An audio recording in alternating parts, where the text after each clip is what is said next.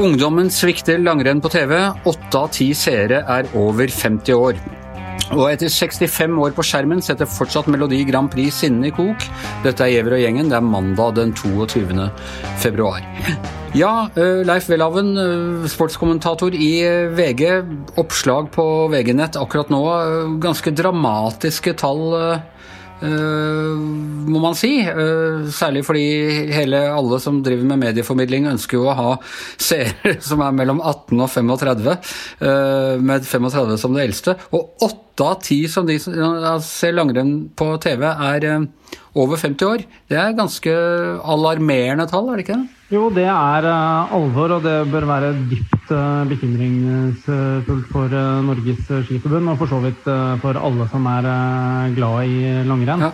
Altså, Trine Saugstad Hatlen, du, du, nevnte i dag på morgenmøtet at vi gjorde noen undersøkelser i VG, brukerundersøkelser, bare for en ti år siden, eller noe sånt, og da var bl.a. Marit Bjørgen blant de, de, personene som engasjerte best blant ungdommen. og det har altså... Bare for, tilbake for ti år siden så meldte unge om at de de hadde mest lyst til å lese portrettintervjuer med, var Marit Bjørgen og Therese Johaug. Og det er ganske eh, rart å tenke på, for nå er det snudd helt på hodet. I dag så er det sånn at de som jobber i ungavdelingen til VG, da, i avdeling Z som vi kaller det, de melder nå om at liksom lang, stoff om langrenn er det som leser om ungdommen er minst opptatt av av alt det de, vi publiserer. Da. Så det er helt snudd på hodet der. altså Det er veldig spesielt å tenke på. Hva har skjedd, Leif, utover Northug på disse ti årene? Altså Hvis man ser på bare hvem som går på ski, så henger jo dette sammen. Altså, det har jo da vært en altså, markant eh, reduksjon år for år. Altså, det ble lagt fram noe som heter en sånn nøkkeltallsrapport for, Norges idrettsforbund for noen måneder siden. og Da ser man altså hvordan ski skiller seg altså, radikalt uh, ut i negativ forstand sammenholdt med andre uh, idrettsgrener. Altså, antall aktive til og med fjoråret har altså falt med 23 uh, på seks år. Og særlig eh, også når man ser på den tallmessige dokumentasjonen, så viser det altså hvordan altså, skisporten sakker akterut i kampen altså, om de yngstes eh, tid. Hvor da har en altså, reduksjon på 25% aktive siden 2013. Eh, Vet du om dette gir seg utslag i liksom, interessen for å gå på ski også? At det er færre unge som faktisk går på ski? Det, kan vi liksom begynne å se klimaforandringene som en eh, del av årsaken her, eller er det å dra den litt langt? Altså, selvfølgelig, altså, snu er en forutsetning for å, altså, for å, gå på ski. Så selvfølgelig så vil jo klimatrusselen være en av ganske mange forhold som i sum danner et ganske dystert fremtidsbilde for norsk eh, skisport. Så skal det nok ikke kimse av at Petter Northug er blitt uh, pensjonist idrettslig. Altså, han skapte en interesse og en virak rundt denne sporten som kanskje forlenget det med ganske mange år. Er det klart at Kanskje det er noe som handler om et konkurranseelement og en litt for forutsigbar eh, topp av eh, resultatlistene. Samtidig som man også kan lure på om selve konseptet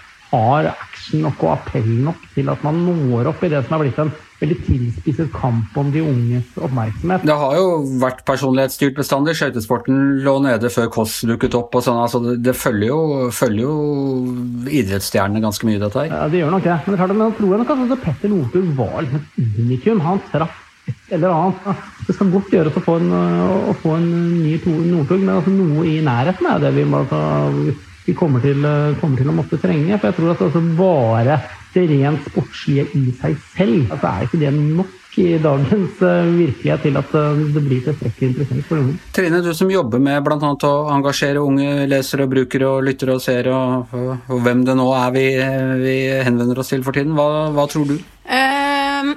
Nei, altså jeg tror altså jeg, var heller, jeg var heller ikke så veldig opptatt av langrenn da jeg var ung, egentlig. Da man, jo, man vil jo ikke drive og henge sammen med foreldrene sine når man er uh, mellom, ja, hva skal si, mellom 15 og 25 år, hvis det er den aldersgruppen vi Eh, vi snakker om nå. Da, da var ikke jeg noe ivrig til å være med mamma. Ena, du er fra en av de aller beste skikommunene på eh, hele, i Sør-Norge? Ja, det er helt riktig. Men det, nå må jeg jo si at jeg er mer glad i å gå på ski enn å sitte hjemme i stua og se på ski, jeg også.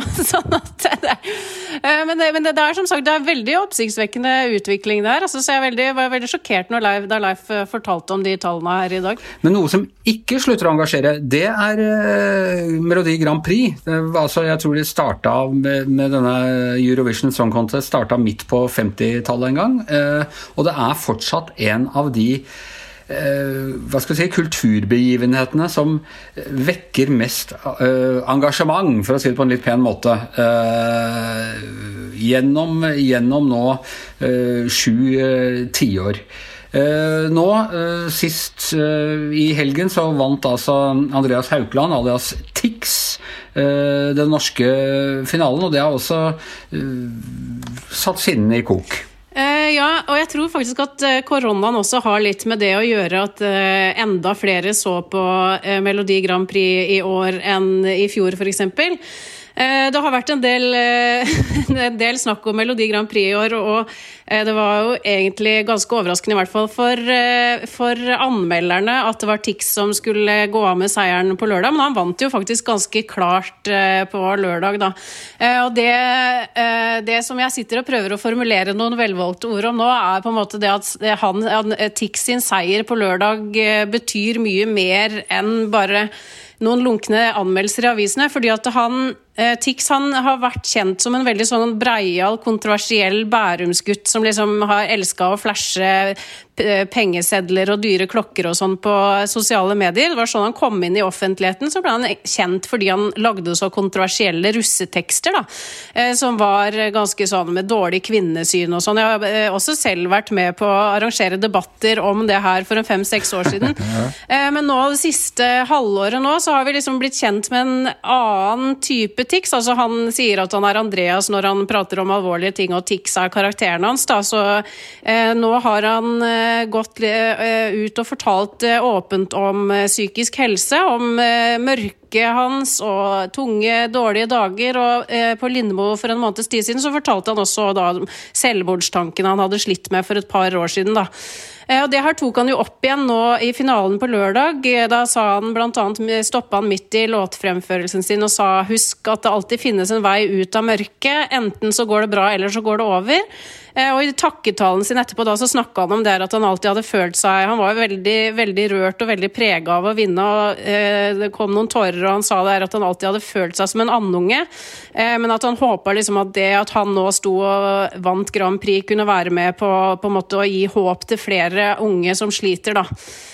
Sånn at eh, jeg opplever det at det er det Norge nå sitter igjen med. Altså, man kan mene hva man vil om den låta. Jeg stemte ikke på Tix, jeg heller. Jeg syns ikke det var den beste låta, men jeg føler at det er nå Men du stemte? Jeg stemte, ja. ja, ja. ja, ja. Hva stemte du på? Kan du si det? Jeg stemte på Imerika. Ok, ok. Som jeg syns Det var en ung, kul jente som hadde en veldig bra låt der. Jeg var nok litt prega at jeg satt på Zoom sammen med tantebarna mine i Bergen og fikk litt innspill fra de også, da, så, jeg, uh, så det blei Amerika på meg. Eh, men det, det, hele Norge snakker om nå, er jo på en måte eh, TIX sitt budskap om psykisk helse. Og det er, eh, det er, noe sånn veldig verdifullt med at han som på en måte er kjent Han er jo en stor kjendis med masse følgere og veldig stor påvirkningskraft. At til og med han nå liksom tør å stå fram og snakke om mørke og tunge dager, det tror jeg egentlig er veldig viktig. fordi at altså, vi leser jo stadig kronikker og artikler om depresjoner og selvmord og altså psykisk helse. men men eh, det er fortsatt ganske nytt for oss på en måte at disse her store forbildene våre snakker så åpent om det som de gjør nå. Da. Altså de tøffe gutta. Så det eh, syns jeg er veldig, veldig bra. Eh, vi har et par andre eksempler også på det, med Viktor Sotberg, han barne-TV-stjerna, som har skrevet bok og fortalt om mobbing. Eh, og den siste sesongen av Rådebank også, som er noe av det sterkeste jeg har sett på TV så lenge jeg kan huske. Altså. Det er ikke bare fordi det er spilt inn i Bø der jeg kom fra. Men øh, Den fine skikommunen Bø. Øh, men, men, det er jo ikke helt nytt at kjente mennesker står fram i, i ja, f.eks. hos oss eller på, på, TV eller noe sånne ting, og snakker om da jeg møtte veggen og, og, ting de har slitt med og sånne ting, i forbindelse med at de kanskje også har noe annet de er hypp oppmerksomhet rundt? Ja, eh, det kan du si, men samtidig så føles det sånn når, Det føles så veldig sterkt når eh, Tix eh, på en måte som sagt som, Han kom inn i offentligheten som en sånn skikkelig breial bærumsgutt som bare tjente millioner av kroner på låttekster. Han har vært Idol-dommer og liksom bodd i Hollywood og skrevet låter.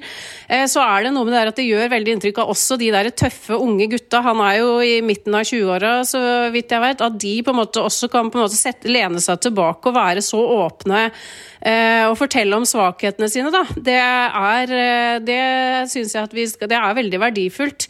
Eh, fordi at vi vet at psykisk helse er et kjempestort problem blant menn, og ikke minst blant unge menn. Det hadde Aftenposten nylig hatt veldig gode artikler om det der.